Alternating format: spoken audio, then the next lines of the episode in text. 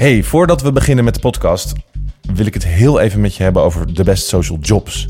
Ben jij nog keihard op zoek naar een social media stagiair voor in september? Of zoek je ander toptalent dat ervoor zorgt dat jouw content helemaal lekker 2.0 wordt? Plaats dan snel je vacature op de Best Social Jobs. Het platform voor vacatures in de social media branche.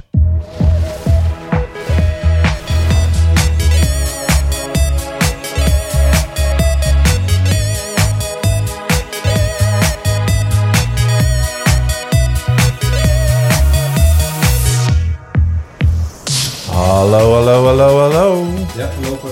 Oh, ja, die moet er ook Kato laat net een hele harde boer. We hopen dat hij opgenomen is. Welkom bij aflevering 10 van de Best Social Podcast. Het is de laatste van dit eh, eerste seizoen.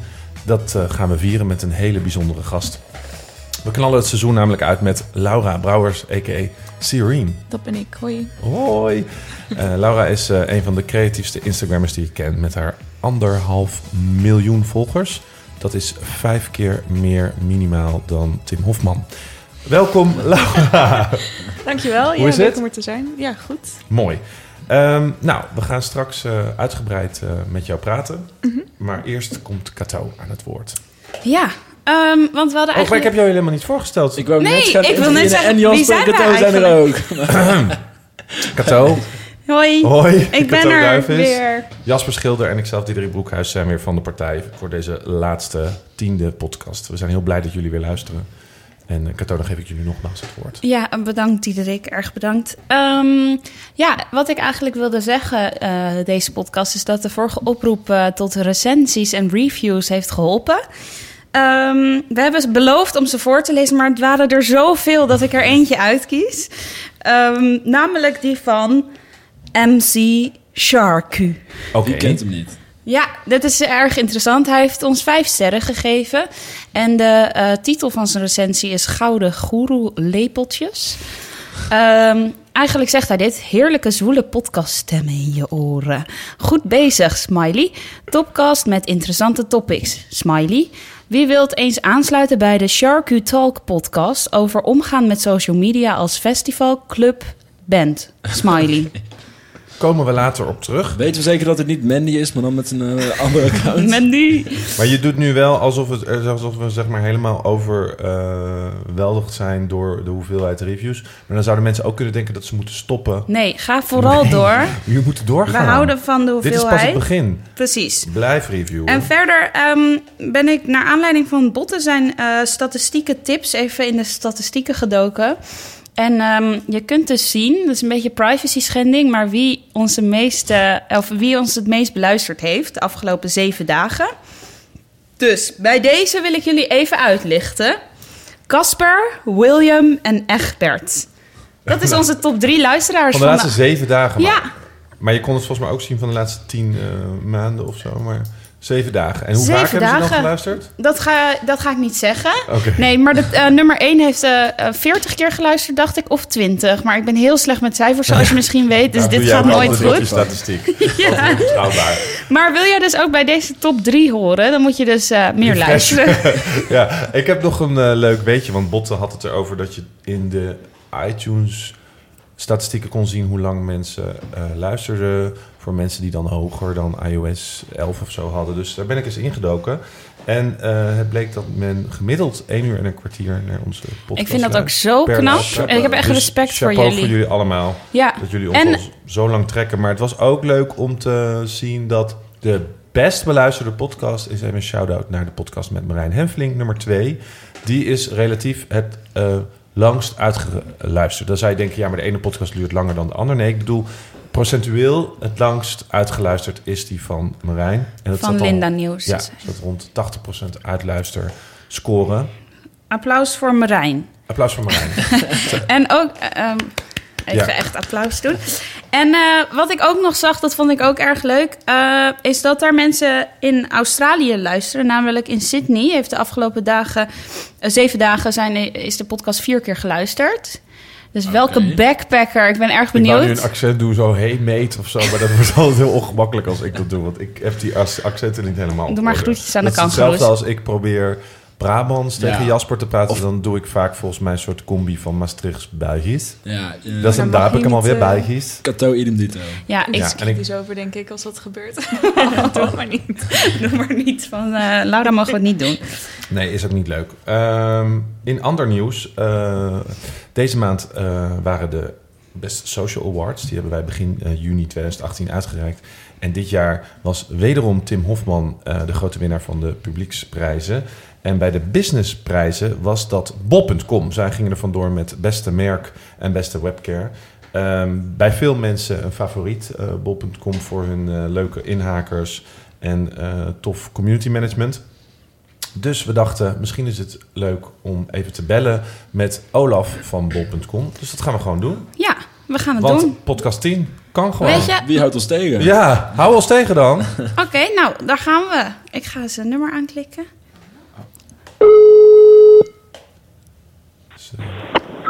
Dennis, Hey, Olaf.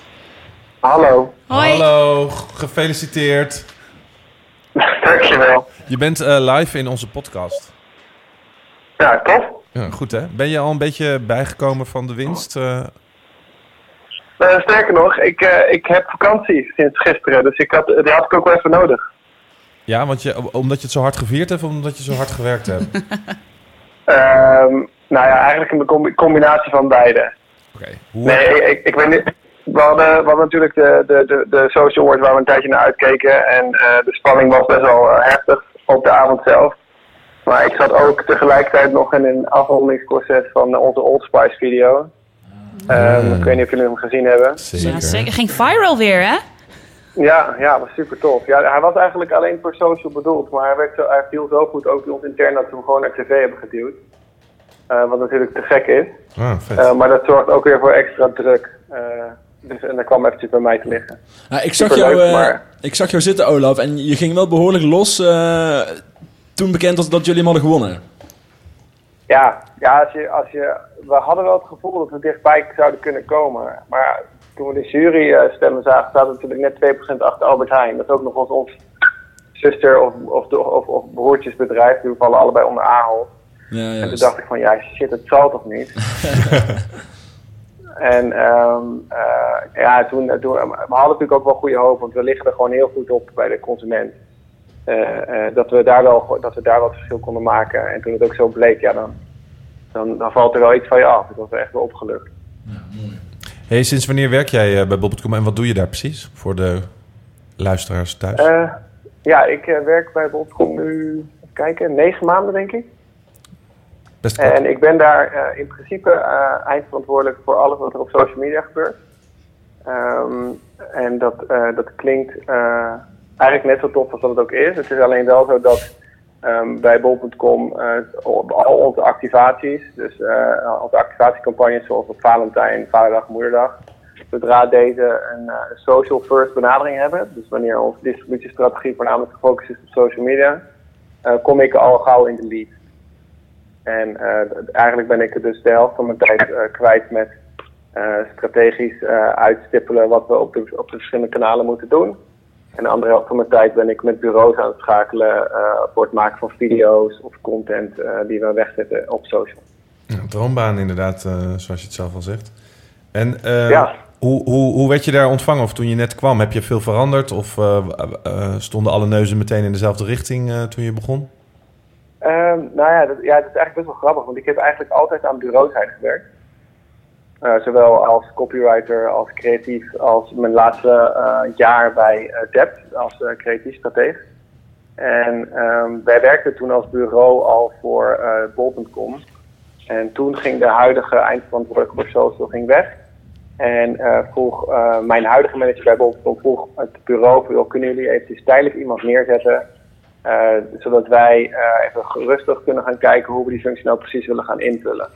Want we zagen al intern dat uh, social steeds vaker in de lead was qua distributie. En ze wilden daar dus ook een zwaarder persoon op hebben. En ik kwam uit Utrecht.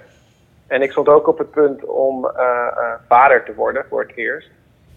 dus voor mij was het aanbod om even tijdelijk bij Bol.com in Utrecht te zitten waar ik ook woon. dat kwam eigenlijk wel lekker uit. En eigenlijk ben ik daar niet meer weggegaan. En, en heb je dingen heel erg eh, op stelte gezet daar? Of eh, ben je ja, ik heb wel, wel, eh, ik heb wel echt dingen aangepast. Een aantal dingen daarvan zijn... Ik heb community management voornamelijk op de schop genomen. En ik heb de always-on laag eh, op, op Facebook. Die heb ik wel echt aangepast van, van hetgeen dat daarvoor gebeurde. Daarvoor hadden ze ook echt wel een conversiefunnel in geïmplementeerd daar. Zodat we dus ook echt sales aan het bedrijf waren aan de organische kant. En ik had geleerd bij een friend of mine... eh, met als, als topmentor Jaapie Stoppelburg natuurlijk... Ehm, eh, dat, dat, dat, dat hele salesverhaal qua organisch vlak, dat, dat werkt gewoon niet. Dat wil, je moet al dat soort dingen helemaal niet vragen van die consument. Je moet gewoon leuk zijn. En je moet gewoon zorgen dat je ze kunt entertainen. En gaan zitten op top of mind awareness. En eh, die lange termijn strategie gaan gebruiken. Ik, weet niet, Diederik, wanneer jij een televisie nodig hebt. Dus ik kan wel de hele week gaan lopen plaatsen met advertenties van onze nieuwste televisies. Maar ik weet het gewoon niet. Beter kan ik ervoor zorgen dat jij op het moment dat je een televisie nodig hebt, denkt van waar ga ik kijken? Oh wacht, ik ga naar Bol.com, want dat is een tof merk. En daar, dat, dat is wel echt een verschil eh, in, in strategie die, we, die ik vanaf het begin af aan heb toegepast. Ja, en dan wordt het Ehm, ook eh, volgens mij opeens een stuk leuker om aan social media te werken... als dat het doel is. Dan merk Nou ja, ik vaak precies. dat, dat, dat, dat het dan veel leuker is om dingen te bedenken voor social media. Als het doel is leuke dingen maken en, en, en laten zien wat voor tof merk je bent... is het toch een stuk leuker dan sales doen op social media. Nou ja, ja, het werk voor mij is ook leuker, maar het resultaat is ook gewoon beter. Want we krijgen drie keer zoveel likes en, en, en tien keer zoveel comments. En eh, de, kijk, ik heb natuurlijk ook wel een beetje het geluk dat ik als social media manager val onder marketingcommunicatie en niet onder winkelmarketing. Dus er zit geen sales in mijn KPI. Ik ben alleen maar bezig met merkverbetering en, eh, eh, en merkperceptie, eh, awareness, zeg maar. En eh, dus ik, ik- het enige wat ik heb, zeg maar, als doel heb, is gewoon het leukste jongetje van de klas zijn. Ja, dat is aardig dat gelukt. wel. Goed gedaan. En wat is, jouw, eh, wat is jouw persoonlijke favoriete post, Olaf? Heb je een favoriet? Ja, ik heb wel een overduidelijke favoriet. Dat is de dildo-post van vorig jaar. Dus eh, de bezorger is niet de enige die komt morgen. Ehm, Ook genomineerd, toch? en, wat zeg je? Die was ook genomineerd dit jaar. Ja, was ook genomineerd voor beste copywriting. Ja. Ehm, eh, eigenlijk dacht ik dat dat wel een soort zekerheidje was. Maar ja, hè, eh, verrast door, de, door HEMA op een goede manier hoor. Want eh, Martijn Koning die het zo'n milieurtje had, vond ik, daar, als ik ergens van had moeten verliezen, dan was dat, was dat prima geweest. Ja. En dat is natuurlijk ook zo. Nee, maar het mooie van die post is dat eh, ik zat toen in mijn transitie naar bol.com. Tenminste, er werd gesproken dat ik daar zou gaan zitten. Mhm. En ik heb toen gesproken met de jongens van Depten, met Frank uh, Ouwerkerk. Is ook eh, eh, een jongen die wel bekend is in de industrie natuurlijk. En zo van, joh jongens, ik wil graag met een knal binnenkomen. En toen kwamen ze dus met deze. Met een dildo, daar kom dus je wel mee binnen. Ja, die hebben, die hebben vier weken gewoon op de shelf gehouden. Die hadden we nog niet laten zien aan bol.com. Ik zeg, geef hem nou aan mij. Dan wordt dat gewoon de eerste post in mijn eerste week. En dan gaan we eens kijken wat er dan gebeurt. dus ik ging, dat, ik, ik ging naar bol.com met die post. En ik zei tegen mijn manager, eh, dat was de afspraak. Ik heb echt vrijheid nodig de eerste paar maanden. Je moet me gewoon vertrouwen, want ik ga wel gaan knallen. Hij zei, nou, het is goed. Dus ik kwam met die post. En toen zag ik gewoon kijken van, weet je het zeker? Ik zeg, nou, geloof me nou. Hè, dit, wordt, dit wordt er wel eentje. Maar goed, toen plaatsen we hem. En we plaatsen al onze posts natuurlijk met advertentiebudget. Om het, het sneeuwbaleffect voor elkaar te krijgen. Eh, maar we plaatsen hem. En toen werd hij dus afgekeurd door Facebook. En toen hadden echt iets van, shit, wat gebeurt er? Dus nog een keer geplaatst en eh, nog- een keer afgekeurd. Dus wij Facebook geprobeerd te contacten. Jongens, wat doen jullie? En toen zei hij, ja, sorry, maar de seksueel getinte uiting, dat, dat mag helemaal niet. Dus wij zaten echt in het eerste kwartier zo van echt, kut, wat, hè?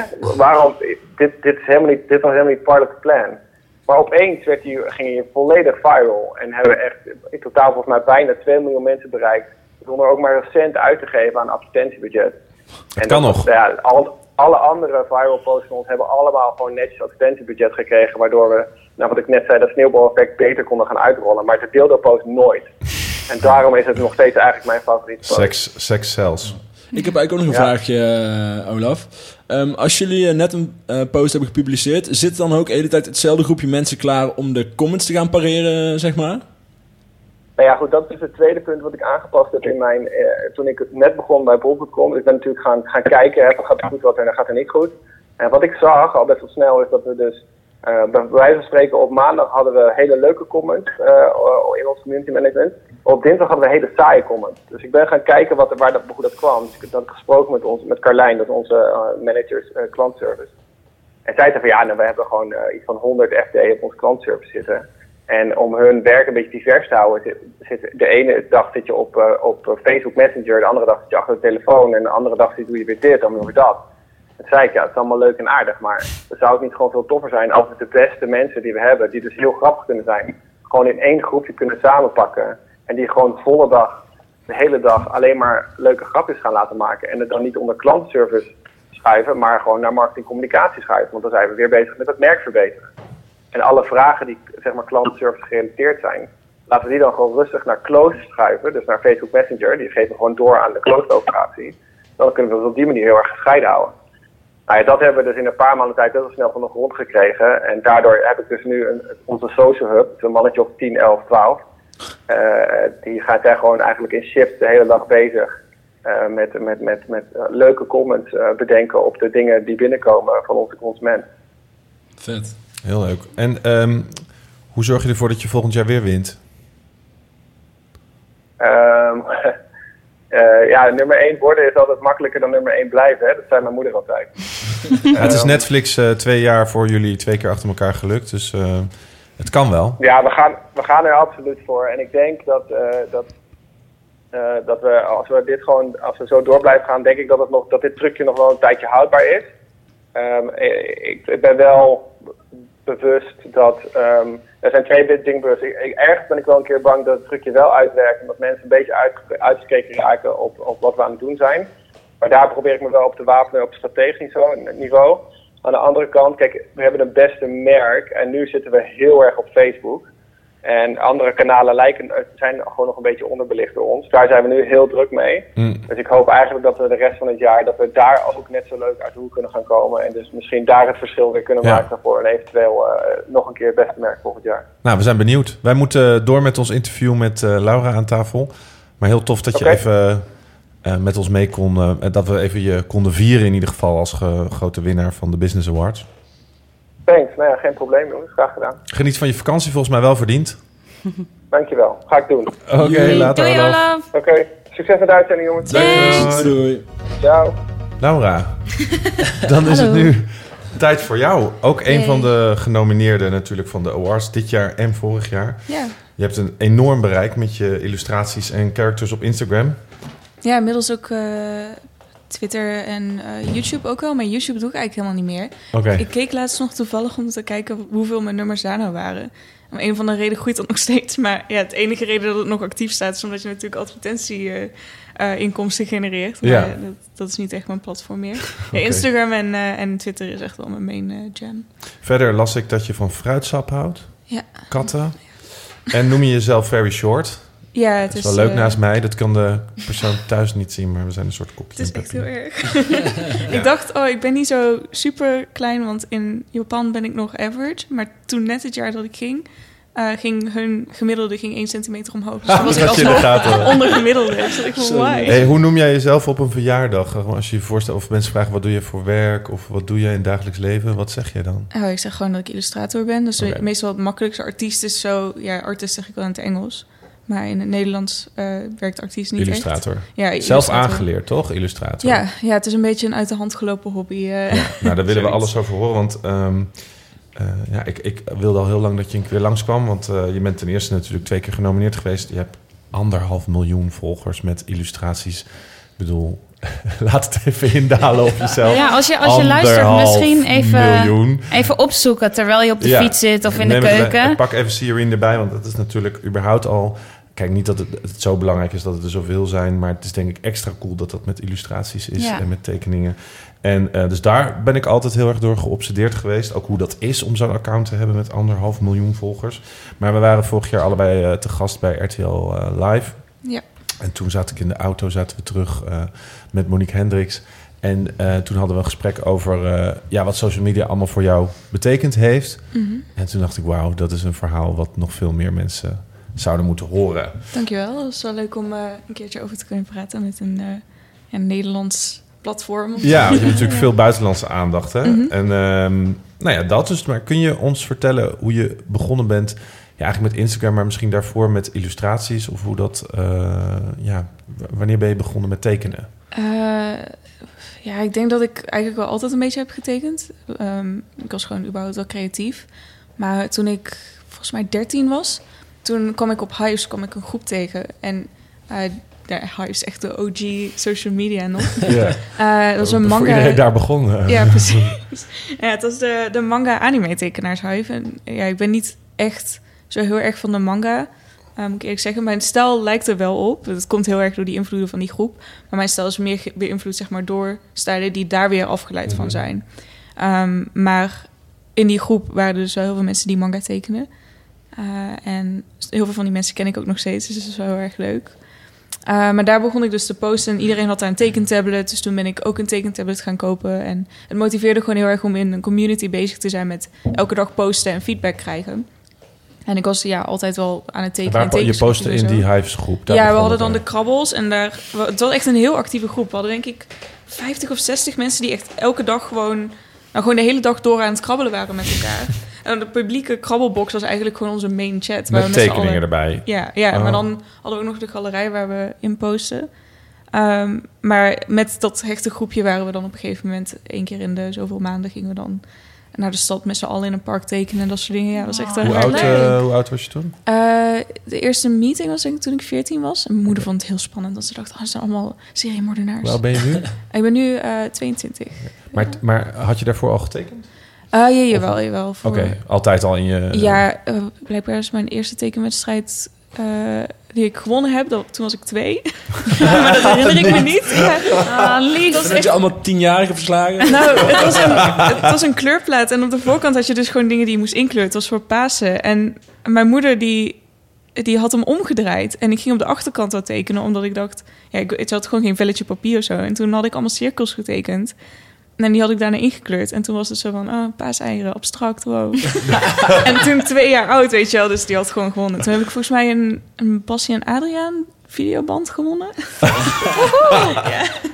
Nou ja, weet Vet. je, dat is blijkbaar ooit gebeurd. Maar eh, ehm, trouwens, volgens mij heeft mijn moeder nog een oudere tekening. Maar dat is Er- Bert en Ernie van Sesamstraat. Ah, Maar het lijkt helemaal niet op ze, maar het is wel fanart. En dat doe ik nog steeds. ja. Maar eh, ja, toen serieus eh, als hobby was denk ik rond mijn twaalfde, dertiende. Ehm, heel, heel veel door de mensen waarmee ik omging. Was was het een op beetje een papier of was dat digitaal? Of, eh, Het begon op papier natuurlijk, ja. ja, En iedereen die had eh, van die fancy alcoholmarkers. En die, die stonken echt heel erg, maar die waren wel. Alcoholmarkers, zei je dan? nou? Ja, er zit alcohol op, ja, op basis van alcohol is dat. Maar dat stinkt dus heel erg als je daarmee aan het tekenen bent. En dan high op die fumes. Maar eh, ja, toen had ik uiteindelijk voor Sinterklaas ook zo'n tablet gevraagd. En eh, toen ben ik eh, digitaal beginnen te tekenen. En een tijdje nog een pauze gehad tussendoor. Maar eh, ja, rond mijn 16e, 17e ben ik weer echt Want begonnen. even voor de leek, zeg maar, je tekent nu nog steeds alles digitaal? Of, of Het grootste deel doe ik digitaal. eh, ja, want dat is gewoon het makkelijkste met alle Met je reizen die ik maak. vinger op die tablet? Of, eh, zeg Nee, maar, eh, wat- het is een... eh, Ja, eh, ja, het kan wel. Er Kato zijn wel mensen die uitslag. Nou ja, ik heb zelf ook een bevriende illustrator. Iemand die eh, comic artist is. En het Mhm. verschilt heel erg bij mensen. De En die doet het eh, met zijn neus. ja, nee, maar je kan het natuurlijk met je vinger doen. Je de kan het op een tablet doen. Je kan het met, met zo'n... eh, hoe heet het ook alweer? Gewoon zo'n... Ja, zo'n USB-tablet bedoel je? Ja, Zo'n, ja, ja, ja, of, zo'n of natuurlijk op echt een fysieke tablet of op je telefoon. Of Ja. ja, ja. Heel Ja, ik doe het op verschillend, een hoor, Kato. Je computer. kijkt me aan alsof ik gek ben. Maar Het is wel waar hoor. Ik heb Ja. mensen die het echt op een telefoon doen. eh, en daar gewoon digitaal op tekenen. ja, dat heb je ook met mensen die natuurlijk... Toen een tijdje dat pixel... Hoe heet dat spelletje? Dat je, Oh, dat was heel leuk. Zo, ja. En mijn Draw vriend- something. Ja, Draw Draw something. Something. Oh, ja. En mijn vriend is dus... eh, nou, die heeft onder andere grafisch ontwerp gestudeerd. En die... eh, nou, wat hij dan kon maken, gewoon zonder daar ooit ervaring mee te hebben met zijn vinger. Dat, is, eh, dat was heel indrukwekkend. Dus, Ja. en, maar dat zag je dus, dat je dat met zijn vinger... dat het niet zo ver afstaat van een potlood. Maar goed, de een doet het volgens mij anders dan de ander. Ik bedoel, Fetching Tigers doet alles met haar vinger op de, op de telefoon, op ja. de telefoon. Dus echt insane. bedoel, we leven in een tijd dat alles kan. Dus hoe doe jij dat? Eh, ja, ik had eigenlijk meteen een USB-tablet. Omdat ik ja, niet echt in de tijd opgroeide dat iPads een heel erg een ding waren. Ja, wat is Eh, precies een USB-tablet? Ja, dat is gewoon zeg maar als een muis. Je hebt een soort van klein vierkant Ja. bordje. En daar zit dan een pen bij. En En dan... soms is het heel groot, of is dat iets Ja, anders? je hebt ook wel hele grote, ja. En ik heb nou zelf ook eentje van 16 inch en er zit een scherm ingebouwd. Ja. En die heb ik op mijn computer boven, maar ik heb er ook eentje voor portable. Omdat ik natuurlijk best wel ja, regelmatig eh, op reis ben. Ja, daarom werk ik ook vooral digitaal. Want dingen zoals verf meenemen en zo, dat is gewoon bijna niet te doen. En Mhm. dan moet je al je kwasten gaan wassen tussendoor. Ja, Ja, want verf je ook wel eens? Eh, ja, nou ja, waterverf en dat soort dingen. Hier weer een andere manier om... Ja. Ja, ik doe al allerlei verschillende. Inkt, eh, potlood, ja. ja. Ik teken waar ik kan en wanneer. Oké, en even vanaf dat Hives. Daar was je lekker aan het krabbelen, Ja. Eh, tekeningen aan het maken. En, en toen, zeg maar, hoe ehm Nou, heeft dat zich ging dat dood. op social media... Ja, dat ging dood inderdaad. Huis overleed en toen eh, En dat was het enige waar Toen je... was je toen- al je vrienden ook kwijt, of niet? allemaal, voor altijd. nee, eh, nee, uiteindelijk eh, zijn we wel weer in contact gekomen via Facebook en zo. Maar ik ben nog moderator geweest op een, eh, een app specifiek voor tekenen. Maar dat was volgens mij ook nog dood. Eh, ik weet nog niet eens meer eh, wat. Maar ja, in ieder geval daarna was Instagram het eerste waar ik een beetje op stootte. Was volgens mij rond 2012 of 13 dat ik het voor het eerst zag. Maar het was, niemand gebruikte het eigenlijk. Nee. Ja, iedereen gebruikt om fotootjes te bewerken en per Ja, ongeluk precies. up te loaden. Ja, ja, net zoals het nu eh VSCO-cam nog ook ja, een soort ja, van dat heb society ik ook. Ja, ja klopt. heeft. Dat, dat, dat is bij mij ook zo. Heb ik Stiekem post. hidden- Ja, precies zo. Ja, nee, ja, ik, eh, met Instagram inderdaad was ik niet echt het aan het gebruiken met dat. Ik, ik haalde het er vanaf en ik postte daarna op mijn eigen Facebookpagina. MySpace heb ik compleet gemist. Twitter nog geprobeerd, maar rond 2014 ben ik daar ja, wel weer een beetje op Instagram gaan posten. En toen begon het op te pakken. Hoe, hoe begon het op te pakken, zeg maar? Hoe... Oh, ja, nou ja, ik was dus op die ene app was ik moderator en dat was echt specifiek voor tekenen. En die zijn ook allemaal een beetje verhuisd naar Instagram. En toen eh, heb ik heel lang, ja, tot eh, honderden duizend gezeten. En toen uiteindelijk, eh, toen ben ik mensen gaan tekenen die dan wat bekender waren, bijvoorbeeld YouTubers en dat soort dingen. En dat deed nog niet echt iemand eh, op dat moment. Nederlandse YouTubers of ook buiten? Buitenlandse vooral, ja, Buitenlandse. ja. Meeste van mijn vrienden waren toen ook al Amerikaans. Ik zat heel veel thuis, dus toen was alleen ja, internetcontact. Ja. En eh, ja, die mensen waren de mensen waarvan ik de video's keek. Dus Ja. ja, ja. en die shared het soms. Maar ook gewoon het feit dat je dan die algoritmes op Instagram hebt. Dat Instagrams algoritmes die iedereen haat, hebben mij juist heel erg geholpen. Uh, omdat je het gewoon constant uh, bij mensen in een feed hebt van recommended. Ja. Als er mutual interest zijn. En ze zijn best wel goed curated op, op het gebied van de, de Discovery pagina en zo. Ja, die, die kwamen er gewoon achter dat ik mijn tekening aan het posten Dat was. kon ook, Ja. blijkbaar. En, en werd je ook vaak door hun bijvoorbeeld dan opnieuw gepost? Of dat mensen het zo tof vonden dat ze jou dan weer... Ja, maar niet heel, heel vaak. Uh, Oké. Mijn zusje die zei altijd, oh, je moet het meer doen, je moet meer doen. Je moet gewoon een berichtje sturen en dan zeggen van... hey, ik teken jou als je mij herpost. Ja, ik ben er niet zo van. Ik, uh, ik vind Blijkbaar ook niet heel erg nodig geweest. Nee. Nee, maar des te knapper inderdaad. Ja. Ja, Cool. nou ja, ik deed soms wel giveaways en dat soort dingen. Maar uiteindelijk gewoon posten en gewoon nieuwe artwork maken... heeft er gewoon telkens voor gezorgd dat meer mensen me vonden. Ja. Dus Ja. wanneer had je bijvoorbeeld eh 10.000 volgers of zo? Waar hebben we het dan over? Hoe lang? Je zat er dus al vanaf het begin bijna op. Ja, ja, maar 2013 zeg je? 2014 heb ik volgens mij in de zomer... eh, of net na de zomer, najaar... toen heb ik eh, de 20.000 gehaald. Dat Mhm. weet ik nog enigszins, want dat was met Disneyland. Dus dan zie je al die posts nog terug van... oh, ik sta in Disneyland Ja. met mijn 20k papiertje. Ja, zo'n nou, maar... eh, maar Je hebt het eh, wel gevierd in ieder geval. eh. ja, vorig jaar heb ik eh, een miljoen gehaald. En nu Oh. alweer anderhalf. Ja. Ja. Anderhalf. En, hoe, hoe heb je 1 miljoen gevierd? Eh, dat was eigenlijk een van de slechtste dagen die ik heb meegemaakt op het gebied van Instagram en social media. Ja, dat was, eh, dat was op 10.000 volgers, of ja, gewoon überhaupt 1000 of 5000, weet je, wel, dan heb je zoiets van: oh, ik ga proberen 10.000 te halen. Ik ga proberen 100.000 te halen. Nou, toen ik 10.000 haalde, toen zei ik eh, tegen mijn toenmalige vriendin: Oh ja, wat als ik nou ooit 100.000 haal? Toen zei ze: Oh, ik weet het niet hoor. toen zei ik: Misschien heb ik ooit wel een miljoen. En toen zei ze: Ha, weet je wel. En nou ja, die miljoen die had ik gehaald. En toen was ik eigenlijk een beetje mijn goal kwijt. Ik had zoiets van, Oh, ja. en nu, weet je wel. Mhm. Ja, nu ben ik er niet zo heel erg mee mee bezig. ehm, met hoeveel volgers ik heb. Want het zijn er toch gewoon genoeg. Ik kan toch niet met al die mensen interacten. Ja, Nee. zelfs met de mensen die allemaal mijn post liken. Als er 100.000 likes op zitten, dat zijn toch weer 100.000 mensen die ik niet allemaal individueel Nee. kan spreken. Dus Frustreert je dat? eh, niet per se. Ja, ik, ik weet niet. Ik kan me er wel druk om maken. Ja, maar ja. snap ik. Hoe heb jij je eerste 100 likes eh, volgers gevierd, Jasper? Ja, eh Oh, met een bordje. in de. Polonaise door eh, Den Bosch gelopen. Eh, nee, eh, ja, toen ik begon met Instagram, wat dus best wel kort geleden is, nog een jaar, toen had ik er plotseling wel al eh 200 volgers of zo. Ja, dat komt omdat je heel knap bent. Ja, dus dan zijn er dat, mensen ja. die eh, al vanaf op profielfotobasis Precies, ja. eh, dat besluit al hadden genomen. Ja, maar, ehm, Nee, maar dat is inderdaad wel eh, frappant. ja, we zijn niet vanaf nul begonnen. Dus started from the bottom, now we Want by je volgde al 335. mensen. Nee, ja, maar ik had de app wel al eh, eh, een tijdje geïnstalleerd of een account aangemaakt. Hm. Ja, ook misschien, om misschien was er een tijd of zo. dat, ja, of dat je gewoon voor wordt gesteld. naar Ja, je wordt het voorgesteld als je het met Facebook gelinkt hebt. Ja. Dus dan, eh, Ja, Oké. dat was mijn eh, Instagram verhaal. Ja, maar... eh, Misschien kun je nog even vertellen hoe je eerste post is Nee, ontstaan. daar hebben we al een keer een podcast aan gewijd. ja, maar Nee, je geen weer podcast. verwijderd. Dus wat was uiteindelijk Ja. de post ik ken die het je- verhaal nog niet. Dus, Nee, ja. Nou, kort samengevat eh, was Jasper een keer dronken. Oh, god. En we hadden al heel lang, eh, maakten we altijd grapjes over wanneer ga je eindelijk eens aan de Instagram, Jasper. Want eh, je werkt bij een social media bedrijf. En toen eh, was dat een keer om vier uur 's ochtends. ehm, Tijdens teamweekendje met mijn voetbalteam. ja, dus je kan me voorstellen hoe Jasper melding. erbij ligt. En je krijgt dan dus van, als het dus iemand is die vrij volgens mij dichtbij je staat... of waarvan Facebook weet van, nou, dit is wel iemand waar je vaker op Facebook waarschijnlijk mee interacteert... dan krijg je een melding van, hé, hey, Jasper heeft voor het eerst iets Om vier uur s'nachts. Oh, shit, Om vier uur s'nachts.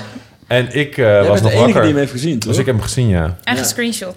Heb je hem daarna gedelete of niet? Nee, niet gezien. Ja, zeker. Oh, Niet. Ja, ja, heb je wel De gedelete. volgende ochtend al, ik. Ja, had ook allemaal berichtjes in de WhatsApp-groep gestuurd van onze gemeenschappelijke WhatsApp-groep. Gezellig. Dronken. Kortom, gezellig. Maar wat was uiteindelijk je, je Eh, echte... nou, toen ik eh, met mijn vriendin naar Portugal ging eh, met Iris, toen eh, ben ik maar aan Instagram begonnen met die mooie filters die jullie zo bewierookten. Oh ja.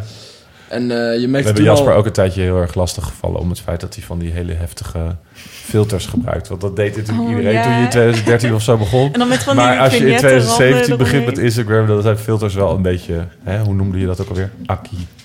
Ja. Of ongemakkelijk. Mensen die ook die Snapchat beauty filter gebruiken, dat blauwe, dat kan nou eigenlijk al niet meer, Nee. weet je. Vind ik ook. Ja, dat is gewoon Maar, dan... ehm, ja, je merkte toen al dat ik eh, wat eh, boodschappen erin forceerde. Maar mijn eerste post... Als je het die- even leuker te maken Maar dan jouw het eerste eigenlijk- post klinkt alsof we 30 jaar terug gaan. Maar dat is dus echt zo'n half jaar Vorige geleden. zomer, Een paar zomer. weken Ja. terug. Ja, eind, zomer. eindzomer. En die heb ik wel laten staan. En eh, dat is deze die niemand nou kan zien. Maar en die, eh, dat is vanuit Porto. En die zegt Summertime and it's Port O'Clock. En Zit je nou je eigen grapjes nog even? ik lees mijn kopje. Ja. En het wordt ook klok. Dit, ik Ja. kan op de foto hier aan jullie laten zien dat de luisteraar Ja, geen fuck aan heeft. Of ik uh, luister die Beschrijf neem eens even wat je aan neem hebt. eens even mee. Nou, we zitten aan de waterkant. Het is Ed Jasper Schilder, toch? Ja, ja, ja. Ed Jasper Schilder, drie rijen naar beneden scrollen en je Ja. bent er. En dan kun je genieten van het tripje van Iris en Jasper, inclusief Ja. de woordgrappen. ja. Ehm, nou, als we dan toch eh, het over jouw Instagram hebben gehad, dan kunnen we dat ook wel even met Cato, Zeker. eh, Cato Pauli doen. Eh Ed Cato, C-A-T, Kato, C-A-T-O, Pauli. C-A-T-O-P-A-U-L-I. Cato Pauli. Ik ga nu, ik ben aan het scrollen als een malle. Ja, Ik had een tijdje had ik een rubriek. En die heette Gelukkig hebben we de foto's nog. Scroll vooral niet te ver terug op mijn Instagram-account. Want dan het zijn er heel veel. Het zijn allemaal foto's toen ik uitging op de wc met een vriendin. Ik ben al halverwege. Oh yeah!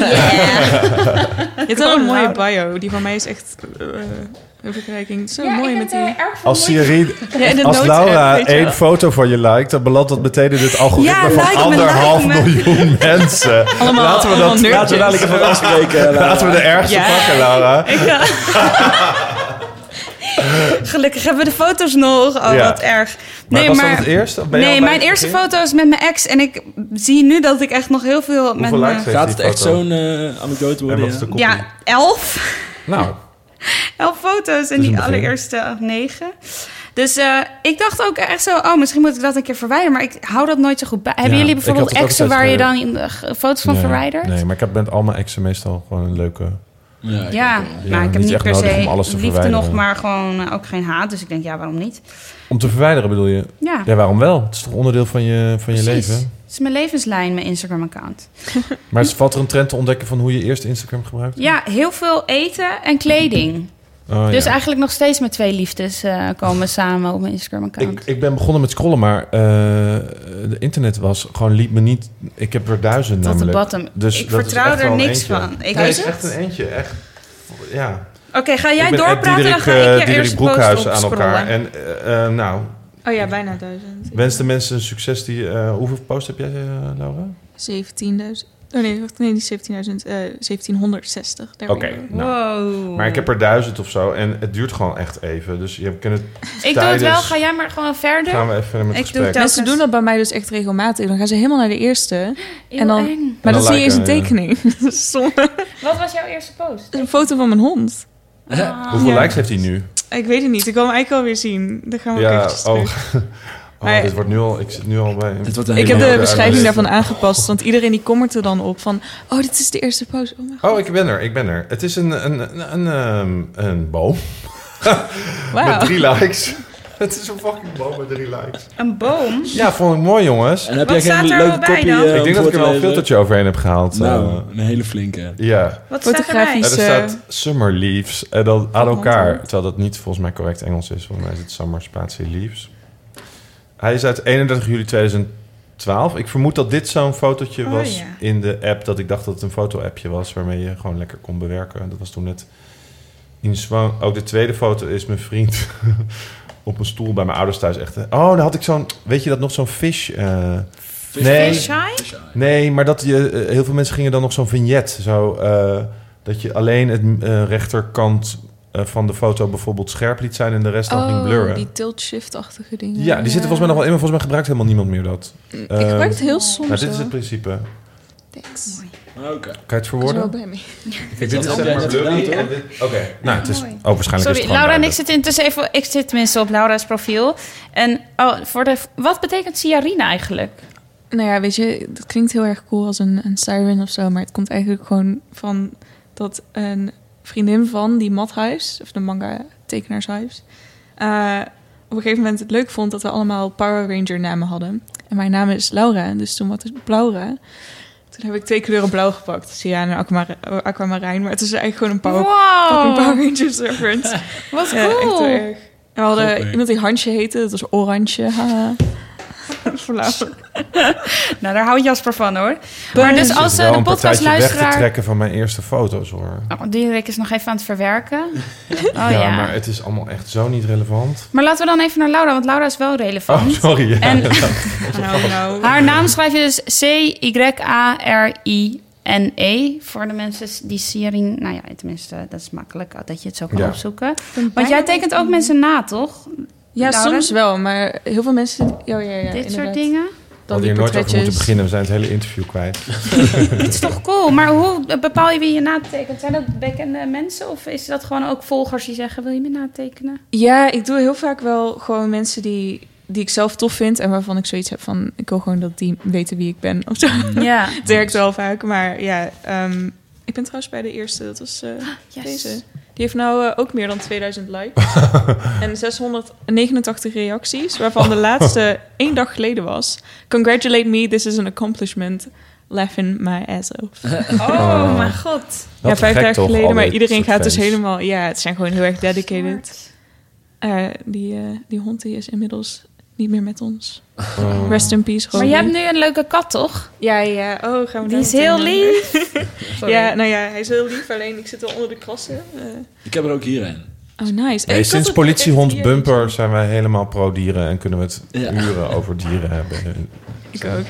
Ik stuur alleen maar foto's van Vitaal mijn kat. onderdeel van de social media branche. Dus Ja, maar die van Laura is extra schattig, want hij... Ja, dat klinkt heel lullig, maar hij heeft dus geen ogen. Heb je het wel eens gezien? ja, Zo lief. Hoe heet hij ook weer? Bamboe. Oh ja. is dat is niet mijn keuze.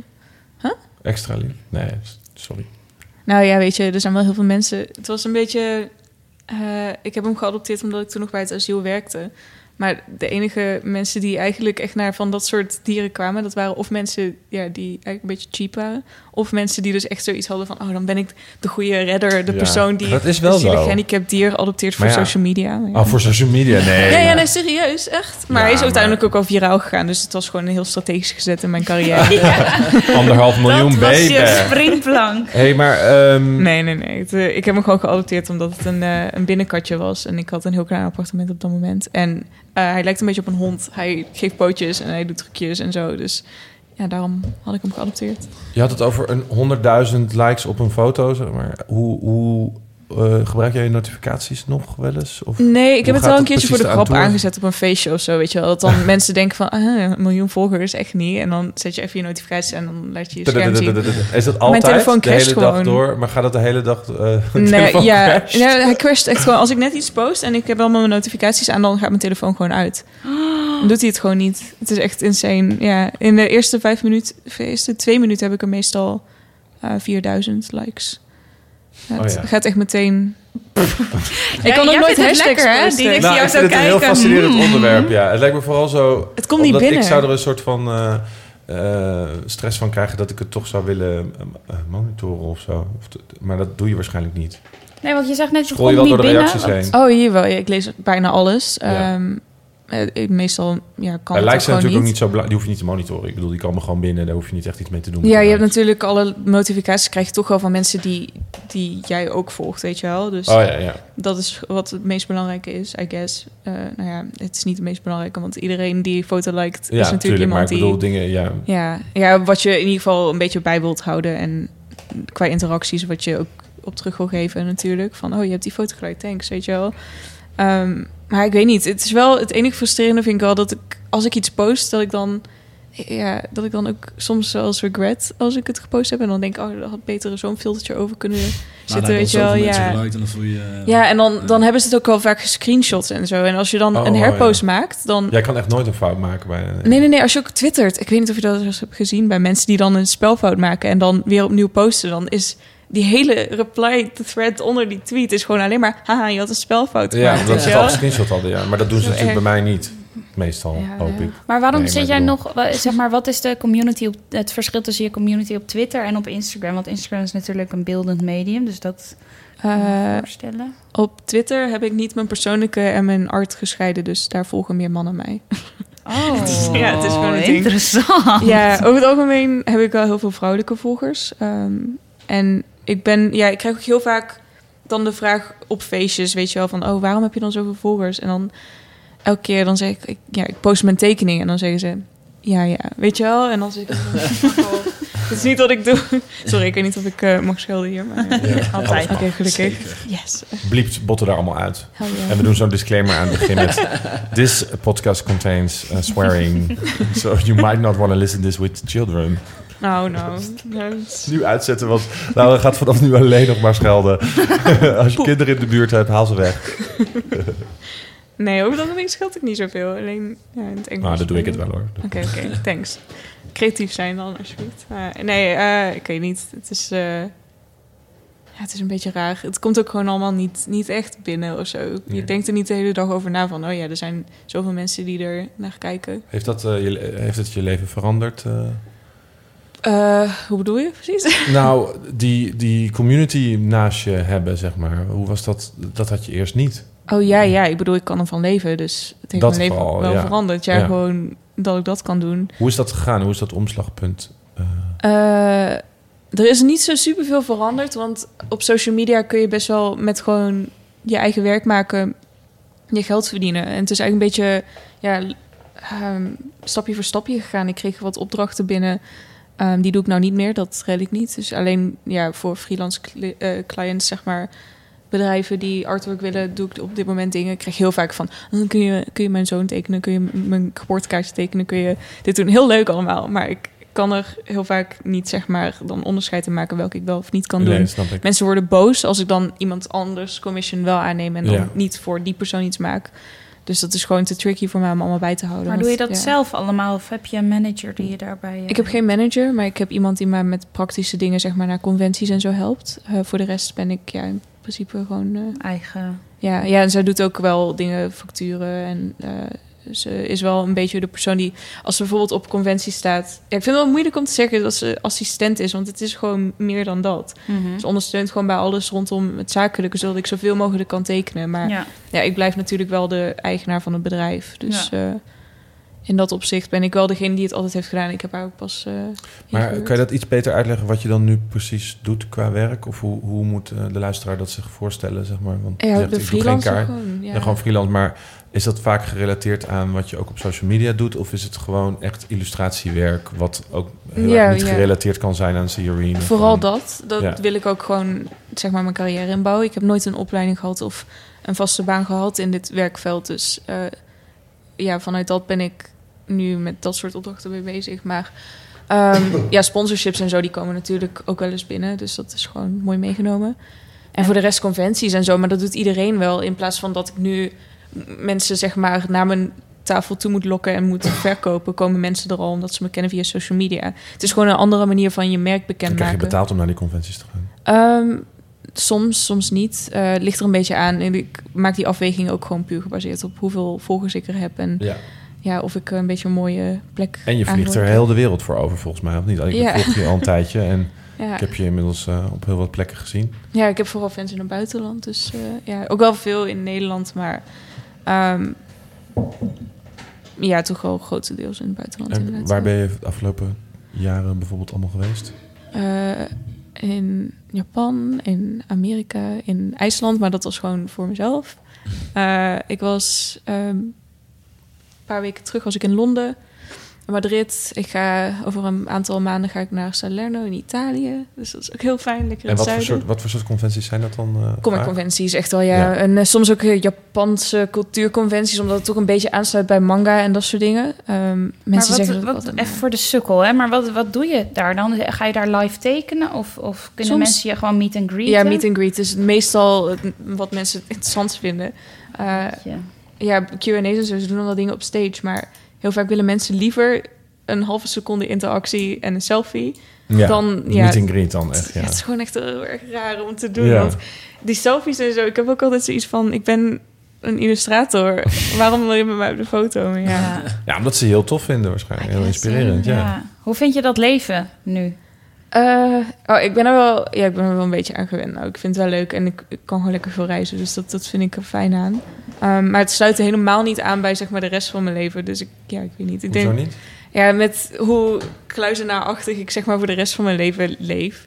Ik kom soms een week niet buiten en Ja. dat is. Hoe komt dat? Eh, gewoon omdat ik aan het werk ben thuis. ja, ik rol mijn bed uit en ik ga achter mijn computer zitten. Maar eh, daarvoor heb ik ook heel lang in een instelling gewoond. Dus toen zat ik ook gewoon eigenlijk alleen maar eh, thuis. Ook. Ik ben niet naar school geweest en dat soort dingen. Helemaal niet naar school geweest? Eh, basisschool, dat is het eh, enige. Dus, Oh ja. eh, Oh, toen al? ja, ja ik ben eh, vrij jong uit huis geplaatst. Wel vrij laat gediagnosticeerd voor hoe lang ik getest ben. Voor de mensen die het niet weten, eh, ik ben knetteraustistisch. Merk je trouwens niks van? Ja, Voor de ja. luister, tenminste. I guess. Dat Ik zeggen tenminste. veel mensen. Ja. Dat is ook Jij vast wel, maar... het risico van, zeg maar, het bijeffect van een vrouw zijn, I guess. Het, het wordt bijna niet gediagnosticeerd bij vrouwen, omdat het zo te maskeren is. Ja. Maar mensen die zullen me hoogfunctioneren noemen, maar dat is wel iets waar ik niet helemaal mee eens ben. Hm. Ik denk dat jullie het ook wel snel zouden zeggen, of niet? Van, oh, dat is een hoogfunctionerende autist. Ja, ik ken, ik ken die terminologie niet eens zo heel Ah, erg. dus dat, eh, Ja, je hebt hoog en laag functionerend. Ja. Maar bij laag functionerend zeggen ze altijd van... oh, die kan niet praten dan. Dan ben je laag functionerend. Maar mensen die zien niet vaak in dat autisme... zeg maar uit meerdere componenten bestaat... en niet alleen... ehm, het, het wordt nog steeds gediagnosticeerd... en de severity wordt nog steeds bepaald... op wat andere mensen ervan merken. Maar iemand die niet praat... die kan er misschien in zijn hoofd veel minder last van hebben... dan iemand die wel gewoon kan praten. Ja. Eh, dus ik zou mezelf niet hoog functionerend noemen, maar ik ben wel slim en ik ben communicatief redelijk vaardig. nou, dus zeker. eh, ja. Ik denk dat dat ook Cato bedoelt. ja, Ik Ja. guess. Het is wel aangeleerd hoor. Het is allemaal heel erg nep. Als je het straks weg bent, ook- zit je weer... eh, Het is mij ook ja. aangeleerd. Dat Dus klopt, ja, dat ja. is- Maar ja. ik merk nu nog steeds, nu dat ik bijvoorbeeld hier aan tafel zit, ik moet er echt aan denken om iemand aan te kijken. En nou ja, al die prikkels, je verwerkt het op een, een heel andere manier. Alles komt op hetzelfde volume binnen. mhm. Dus eh, iemands gezichtsuitdrukking, normaal filter je daar een beetje weg en je luistert naar wat die persoon zegt. Maar bij mij gaat alles even hard en is het gewoon veel lastiger om. En is, is social media dan anders daarin? Eh, ja, je kan gewoon alles op je eigen tempo doen. Dat is Ja. super fijn natuurlijk. Maar het was voor mij ook gewoon een, een manier om überhaupt contact te hebben met Ja. mensen. Want ik zat dus gewoon echt compleet in een bubbel afgesloten van een normale samenleving. En ja, daarom ben ik ook wel een beetje kritisch op het Nederlandse zorgsysteem. En dat al die mensen bij elkaar gegooid worden. Ja. En eigenlijk gewoon geen normaal leven leiden. Want waarom zou je in hemelsnaam allemaal autisten bij elkaar zetten... die al allemaal op elkaar gaan reageren... en Ja. van elkaar slechte vaardigheden leren? Ja. En wat zou dan met de ervaring die je hebt jouw alternatief zijn? Of wat lijkt je een betere suggestie? Je moet mensen gewoon in een normale samenleving laten leven. Ja, ik, ik weet niet waarom mensen met een stoornis... Ja, kijk, in heel veel gevallen hebben ze gewoon heel intensieve zorg nodig... als ze echt heel erg beperkt zijn. Dan is het gewoon net zoals iemand die in een... eh, net als een, een opa of een oma... die uiteindelijk gewoon niet meer voor zichzelf Nee, eh, boterhammen kan Ja. smeren... dat hij hulp nodig heeft. Ehm, dan, dan is het anders. Maar ja, het is gewoon jammer. dat Het geld is er niet voor om... eh, zorg in huis te kunnen hebben. En dan krijg je Maar dat. als ik het goed begrijp, ben je daar ook begonnen met hives en... Ja, oh, nee, ja. ja. Ja, ja, huis was een beetje rond de, peri- de omschakelingperiode, zeg maar. Maar was dat een beetje je uitlaatklep dan, zeg maar? ja, zoals je ja, gewoon überhaupt kunnen tekenen en iets kunnen doen. ehm, wat, waar andere Wat mensen was geen het controle beleid dan over hadden. daar? De- Mocht je, mocht je dat allemaal ook doen? En, Ze hadden het heel vaak niet door. Eh, want ik had mijn laptop natuurlijk om op te tekenen. En toen hadden ze niet door dat er een wifi-spot naast, de, naast het crisiscentrum zat. dus ik had gewoon altijd internet. Eh, toen ze daarachter kwamen, toen mocht ik even wat minder. Want we hadden echt ook maar... Ja, de crisisopvang waar ik vier maanden heb gewoond... dan mocht je eigenlijk maar acht weken wonen. Dan mocht je echt eh, een kwartiertje op het begin. En daarna kon je dat opbouwen over de weken heen... tot drie kwartier tot een uur. Internetten per dag. En dat was dan helemaal gemonitord. Dus je kon ja, met niemand eigenlijk... Maar ze wisten dat je op die tablet aan het tekenen was... en dat dat allemaal in Ja. verbinding stond met het internet. Dat wisten ze niet. Nee. Maar het, het was ook wel in mijn geval niet per se iets slechts. I guess, ik bedoel, nu zou je het bijna niet meer voor kunnen stellen. Het was natuurlijk wel iets andere tijd. Dus internet was wel anders, I guess. Eh, jongeren gebruikten het ook op een heel andere manier. Mhm. Maar de mensen waarmee ik daar woonde waren ook ja, heel problematische gevallen. Dat waren mensen die soms in een loverboy-relatie zaten. Er waren mensen die ehm, echt compul compulsively dingen jatten en Mhm. ja, mensen in elkaar sloegen. Ja. eh, was jij iemand die je een broertje in tabletje zijn geschoten, Ja, man. Ja, ja, ik was gewoon, ja, ik was in de thuissituatie ging niet goed, maar mijn vader en mijn eh, en ik zelf waren allebei autistisch. Mhm. En mijn zusje woonde ook nog thuis, dus het was gewoon te veel om het echt maar op te kunnen voeden. En om die urgentie eh, toe te kunnen voegen en om snel in een behandelingscentrum te, terecht te komen, moest ik gewoon in een crisiscentrum. En daar moest ik doorheen. En dat is Wel gewoon, ja, heftig dat is dat je gelijk wel daar terecht komt. Ja, ja. Tussen al die mensen. Ja, dat was echt geen met leuke autisme. periode. Nee, dat Nee, die waren, hadden in het Nee, maar crisiscentrum jij, was niet autistisch. jij als, zeg maar, met autisme en dan tussen zulke Oh, heftige ja. gevallen lijkt me wel pittig. Ja, dat was, eh, dat was niet echt leuk. Gelukkig had je wifi. Ja. Spot.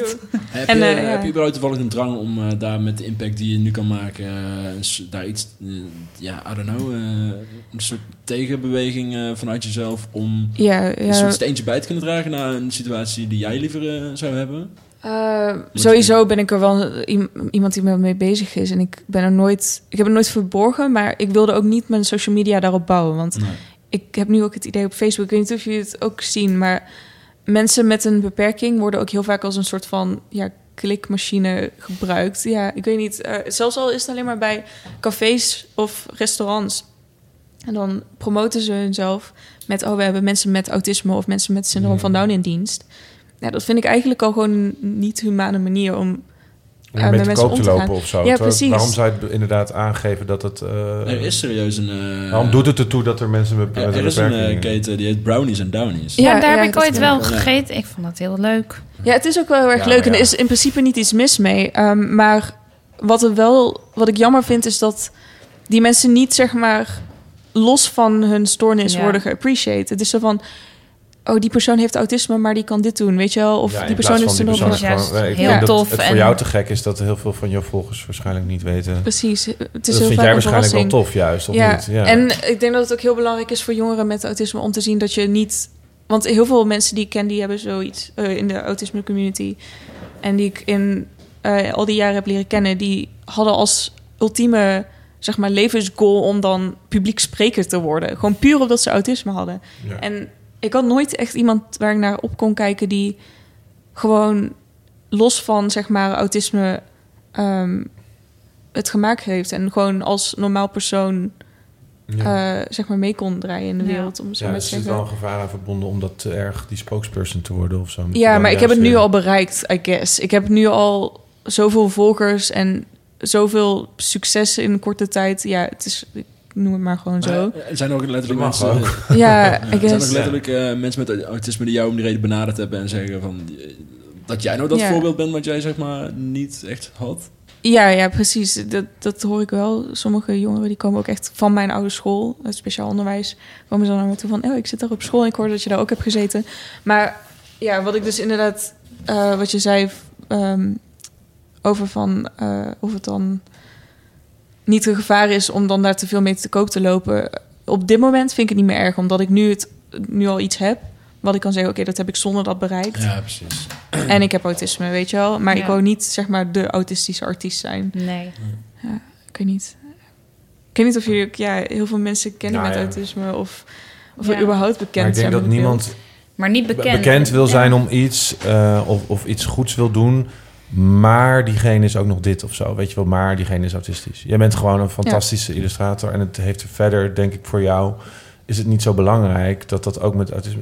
Je bent gewoon een gew- geweldige illustrator. Verder ben je, heb je ook nog eh, die kleur haar... en ben je klein en hou je van katten en ben je autistisch. Ja, beeld. Ja. Goed, dus, eh, ik heb het zelf ook als mensen je beoordelen om de verkeerde redenen. Of denken, oh echt, kan jij dat ondanks dat je dit of dat? En denk ik, pff, weet je, ik Mhm. kan gewoon dit. En dat heeft niks te maken met... Dus ik begrijp dat heel goed, ja. Dus ik denk niks irritanter dan dat je altijd wordt ingedeeld in een soort hokje van... je hoort in dit hokje, dus is het bijzonder dat je dat kan. Terwijl dat heeft even niks met dat hokje te maken. ja, maar ja, ik weet niet. Ik heb het zelf ook met, met het feit dat ik vrouw ben. Of het feit dat ik... eh, ja, ik had heel lang had ik een relatie met een vrouw. En ik, ik was daar ook best wel open over. Want zij was ook illustrator. Mhm. Of is nog steeds, denk ik. Ehm, maar Alle foto's van Instagram weggehaald. nee, die staan er nogal op. Oh, Bij mij wel. Oké. Dus, ik, had, eh, ik had ook gaat straks alles deleten. Oh, van mij. Dat scrollen. stalken. Ja, maar dat, dat, dat zijn ook van die dingen waar je wel, I guess, trots op kunt zijn. En waar ook nog steeds wel debat over nodig is, I guess. Ja. Ehm, gelijkheid is er nog steeds niet. Het is een moeilijke balans, toch? Want ik vind het zelf Ja. lastig als ik bijvoorbeeld... ehm, ja, als het vergeleken wordt met mijn homoseksualiteit bijvoorbeeld... Ja, dat ik iets doe of dat ik iets bereik. En eh, dan denk ik, ja, dat heeft hier echt he- helemaal Ja, niks mee te maken. Ik wil daar ook absoluut niet op beoordeeld worden. Maar tegelijkertijd wil je maar wel wil je het wel uitdragen, ja, precies. Of wil ik een inspiratiebron zijn voor mensen dat ze denken... Ja, ik heb, gelijkheid zelf moet jong was, zijn. heb ik wel eens een, eh, een blad gemaakt... over de 100 meest inspirerende homo's of zo. Omdat ik dat zelf miste. Omdat ik Mhm. dacht, ik zie niet echt van welke mensen... waar ik tegenop moet... eh, naar wie ik moet kijken. Zo van, oh, die hebben wel een heel tof leven. Zo'n leven zou ik ook willen. Omdat meestal andere mensen inderdaad het debat domineren... op een negatieve manier. Dus dat zou je misschien ook in autisme kunnen hebben. Dat inderdaad de representatie van een gemiddelde persoon met autisme misschien niet goed is. En dan speel je wel een belangrijke rol. Maar ik snap ook wel dat je niet het vlaggenschip van autisme wil zijn. Net zo Nee, goed als dat je niet dat wil zijn voor roodharigen of Ja. eh, voor Haakt het, lesbiennes. eh, of, eh, haakt het niet een beetje in op Martijn Nijhuis... die gisteren een statement maakte over meer gehandicapten in de media? vertel daar eens wat meer over. Ehm, hij heeft een soort pleidooi gehouden voor het feit dat hij eh, vindt dat in de media eigenlijk gewoon te weinig gehandicapten waren. En dat zelfs, ja, ik, volgens mij bracht hij het zo dat hij ook een tijd had, ik weet niet bij, bij welke zender dat was, maar dat zijn ehm, eh, ja, gehandicapte handje noemde hij het zelf volgens mij, maar dat hij echt expres werd verborgen als hij in beeld was. Dus dat, dat, dat hij vindt dat volgens mij het aantal gehandicapten in de samenleving geen, eh, niet goed voor de weerspiegelt in de media. Ja. Maar dat is toch überhaupt met alle uitingen zo? Ook Nou, de met- billboards ja. en magazines. En, ja, maar Nou, ook voor natuurlijk iedereen die ehm, misschien niet typisch eh, of niet precies past in. Ja, wat dat is maakt eigenlijk tegenwoordig het normale beeld? Maar Eh, dat maakt het ook een fucking lastige discussie. Van Laura die zegt van ja, sommige worden als klikbaar eh, item ingezet misschien wel. Om eh Ja, de overtreffende andere graf van sympathie. kant- aan de andere kant inderdaad, misschien moeten ze er ook wel juist meer zijn. Ja, ja, Ja. precies. ja, dat is lastig. Ik heb zelf altijd zoiets van... Zolang het maar met goede intenties gedaan wordt, I Ja. guess. Ehm, niet met het winstoogmerk, maar meer met gewoon het feit van... Ja, is ook. Maar kun je een voorbeeld noemen van hoe jouw volgers weten, weten zij dat jij bijvoorbeeld autisme hebt? Ik ben er wel open over. Eh, Bijvoorbeeld, eh dus nu al heel veel controversie. Hebben jullie gehoord van Kat Von D? Die eh, heeft ervoor gekozen om haar kinderen niet te vaccineren. Of haar kind ze is nu ja. zwanger. Dat heeft ze publiek gepost. En haar man die tweette heel veel dingen over van over autisme en vaccinaties en dat soort dingen. Wat natuurlijk gewoon echt dikke bullshit is. Maar ehm, daarin ga ik dan wel erop in. Want ik als autistisch persoon Mhm. vind het gewoon echt niet kunnen. Dat mensen liever een kind dood laten gaan aan een ziekte Ja. of de rest van de samenleving ehm eraan laten sterven. Gewoon überhaupt al niet. Vaccinaties zijn echt Ja. gewoon een fucking privilege waar je gewoon eh, gebruik van moet maken. En dat kun je ook bijna niet maken naar mensen die in weet ik veel welk land in Afrika niet hebben. ja. kilometers gaan wandelen met een baby op hun rug om die vaccinatie te kunnen krijgen. Eh, dat kun je gewoon niet tegen het maken bijna om dan Ja. ervoor te kiezen om het niet te doen. Kijk, ik ga er niet helemaal op in van oké, wel of niet. Eigen keuze, maar ja, mm, wel als je er geen gebruik van maakt, dan Ja. ben je wel zeg maar een beetje misbruik aan het maken van het feit dat iedereen wel vaccinaties heeft.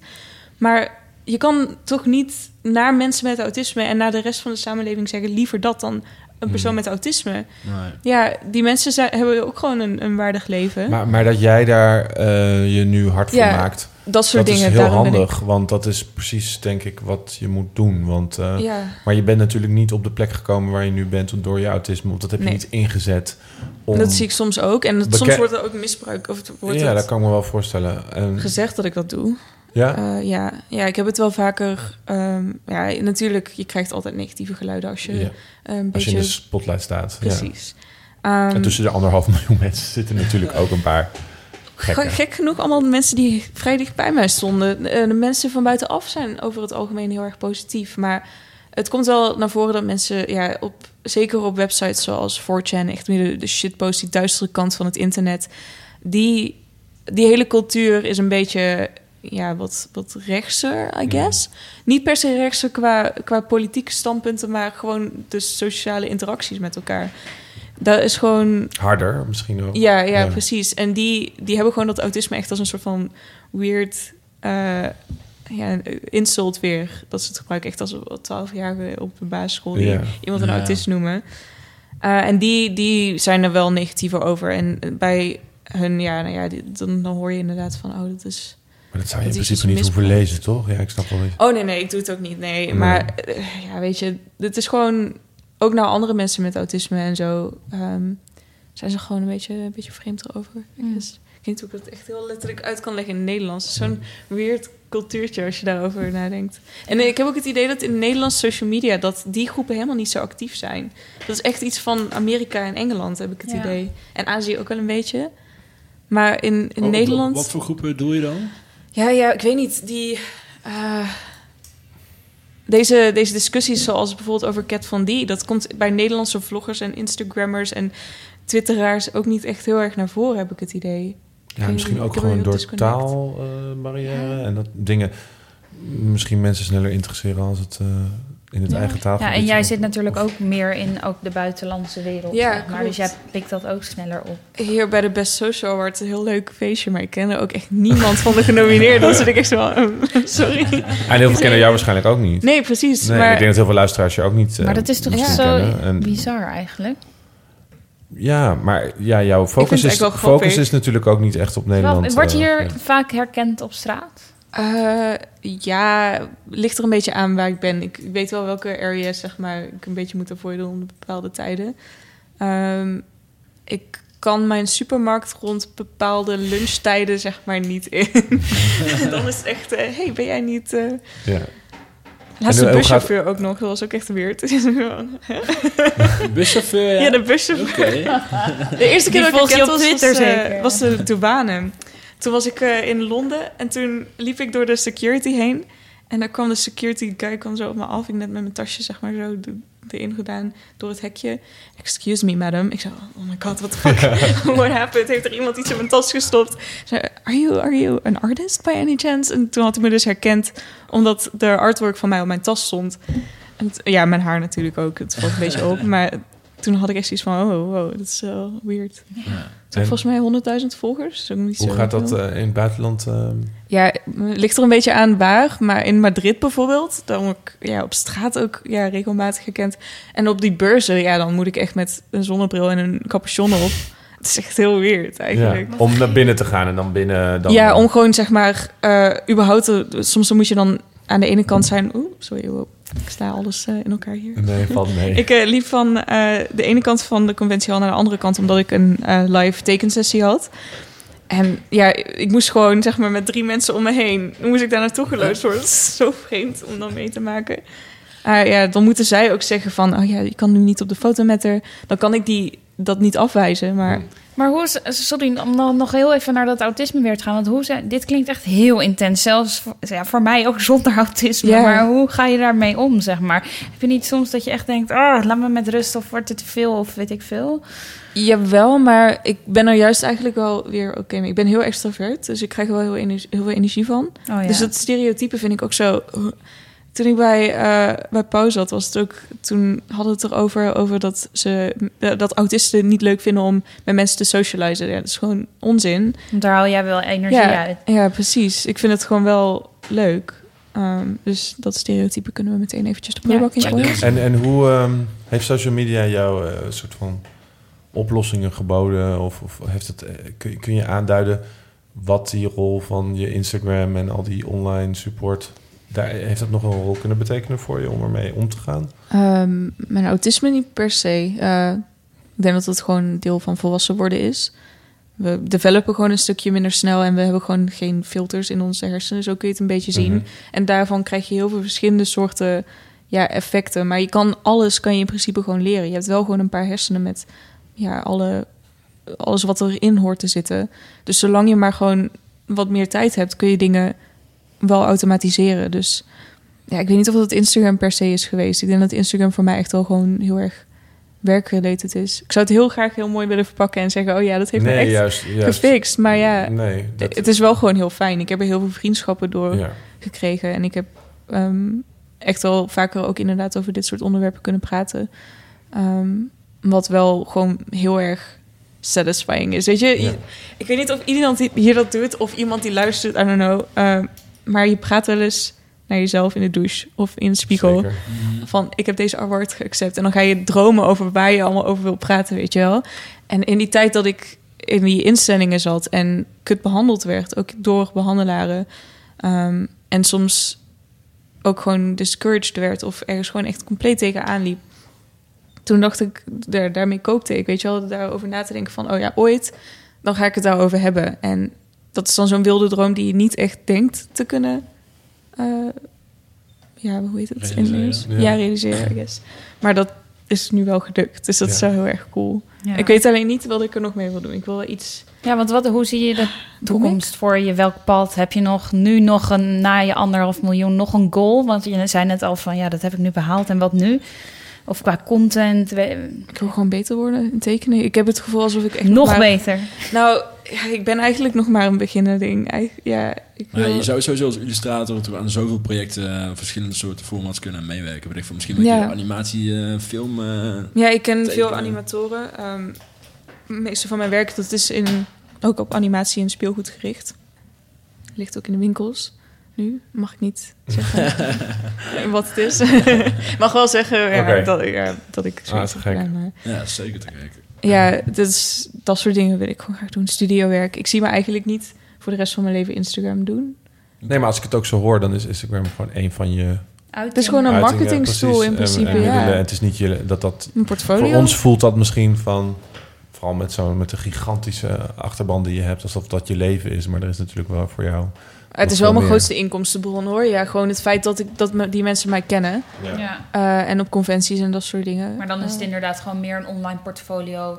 waardoor mensen kunnen zien, eh, dit maak jij en daarvoor vragen ze je dan, zeg maar, ja, precies, indirect. Ja. Ja. ja, het is net als dat je op andere manieren je werk, zeg ik maar... dat je. Patreon gebruikt om een online Yes. shop te openen. Kun je Ja. daar wat meer over vertellen? Wat is Patreon precies voor de mensen die dat Eh, dat is gewoon een manier om je content te kunnen laten vinden door mensen. Dus we hebben een soort van abonnement op je werk. Zo kun je het eigenlijk Mhm. zien. Eh, sommige mensen die bieden daarbij fysieke rewards. Sommige mensen Oh. alleen maar gewoon... Fysiek. Oh, fysieke rewards. Oh. Als je 50 euro per maand geeft, dan... eh, Ja, vertel.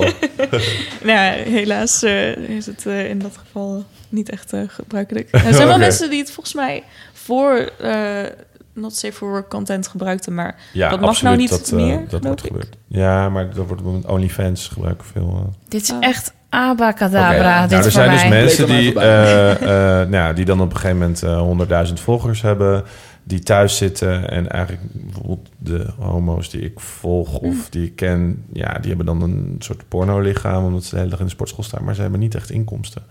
Dus nu hebben ze opeens een Instagram-account met 100.000 volgers en hebben ze alle onderbroeken die ze konden opgestuurd krijgen van de verschillende merken, hebben ze al ze hebben nog steeds geen euro's verdiend. Dus wat ze dan doen is dat ze een OnlyFans-account openen. En ehm, dan gaan ze daar dus nog naakt of met nog minder kleren. Sommigen posten gewoon extra unieke content, dus filmpjes. En, maar sommigen worden daarmee... Ja, de grens tot pornografie is zeg maar echt heel laag dan opeens. Maar wat want- is nu de connectie met Laura? Doe Nou, jij dat dit? is- nou, jawel, Ik, jawel, jawel, ik wat heb wel veel diensten. mensen die dat. Eh, dit wordt er heel ja. veel voor gebruikt. Dat dus mensen die heel veel Instagram-volgers hebben... die gaan dan aan de Patreon of aan de OnlyFans... Of, en die verkopen hun... Illustratoren ook trouwens. Ik zie dat ook. ja, die hebben zoveel volgers. en die ja. vragen dan 10 dollar of zo per maand. Dus tel maar uit, je winst. Om elke week één fotootje of zo te posten. En mensen doen dat, want die mensen zijn fan, OnlyFans.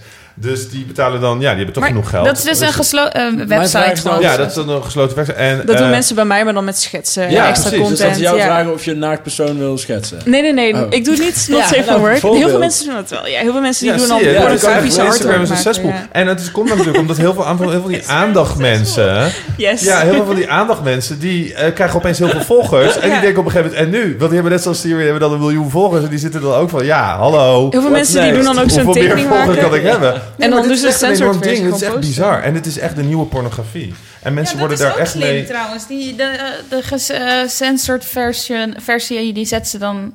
Ja, bijvoorbeeld in een bikini Ja. doen ze dan een meisje tekenen. En dan zetten ze van, oh, de not safe for work versie staat Oh op my- Patreon. Ja, Ja, dus dan porno staan er gewoon Ja, zie je. twee, ja, ja, het internet is natuurlijk blokjes gewoon porno, jongens. Heet dat dat Ja, dickbait? daar wordt,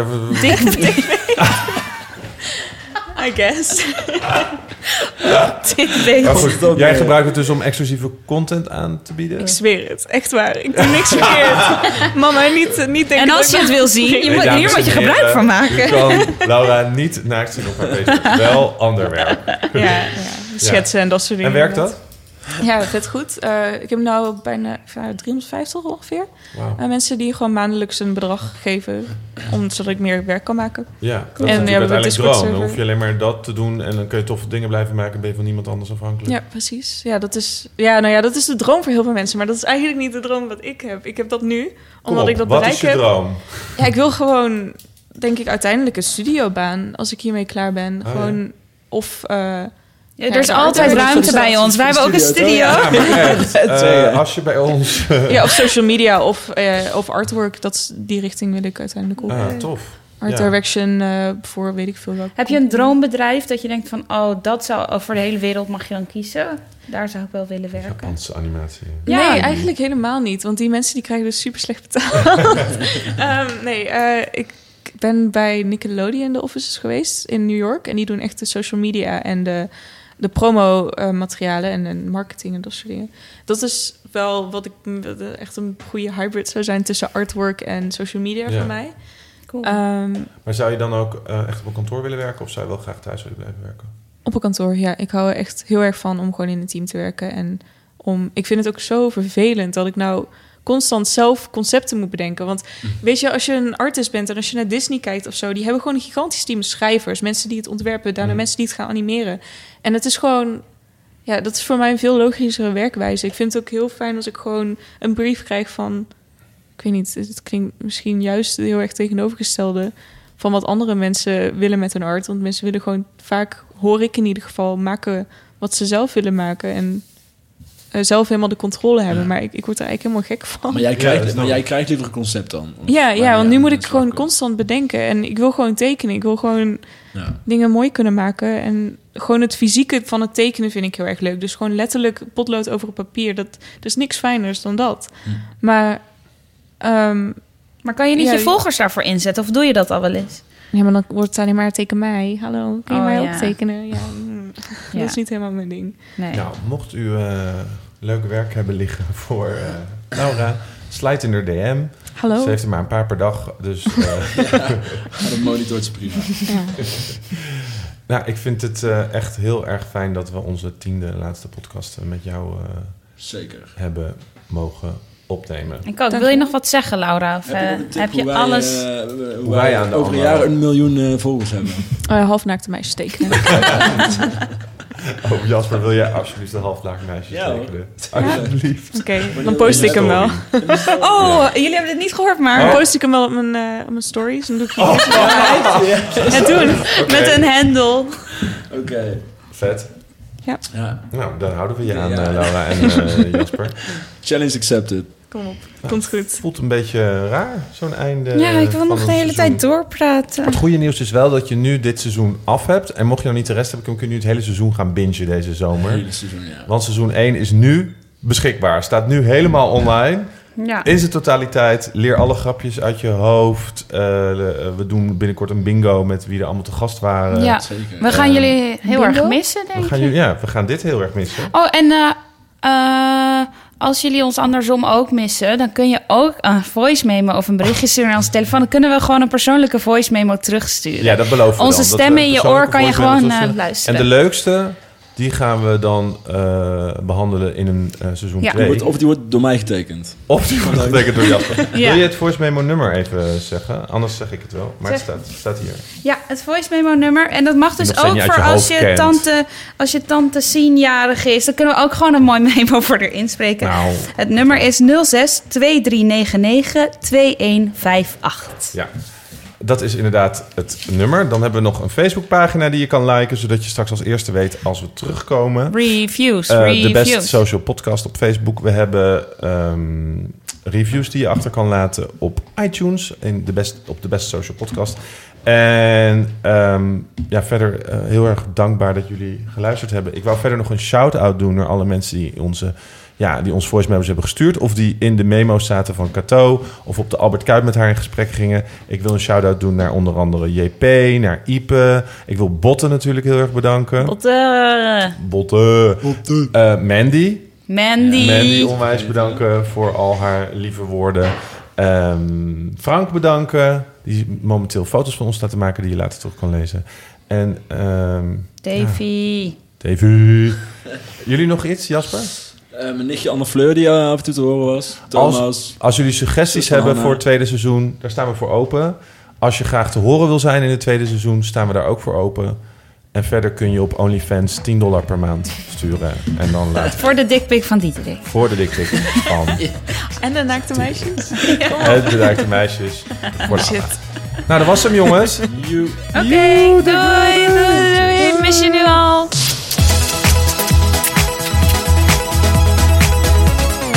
Deze podcast wordt mede mogelijk gemaakt door Cousteau, marktleider in social media monitoring, webcare en publishing software. Wij gebruiken Cousteau om de parels en viral content op social media te vinden voor ons blog De Beste Social Media. Wil je meer weten over Cousteau? Ga naar www.cousteau.com.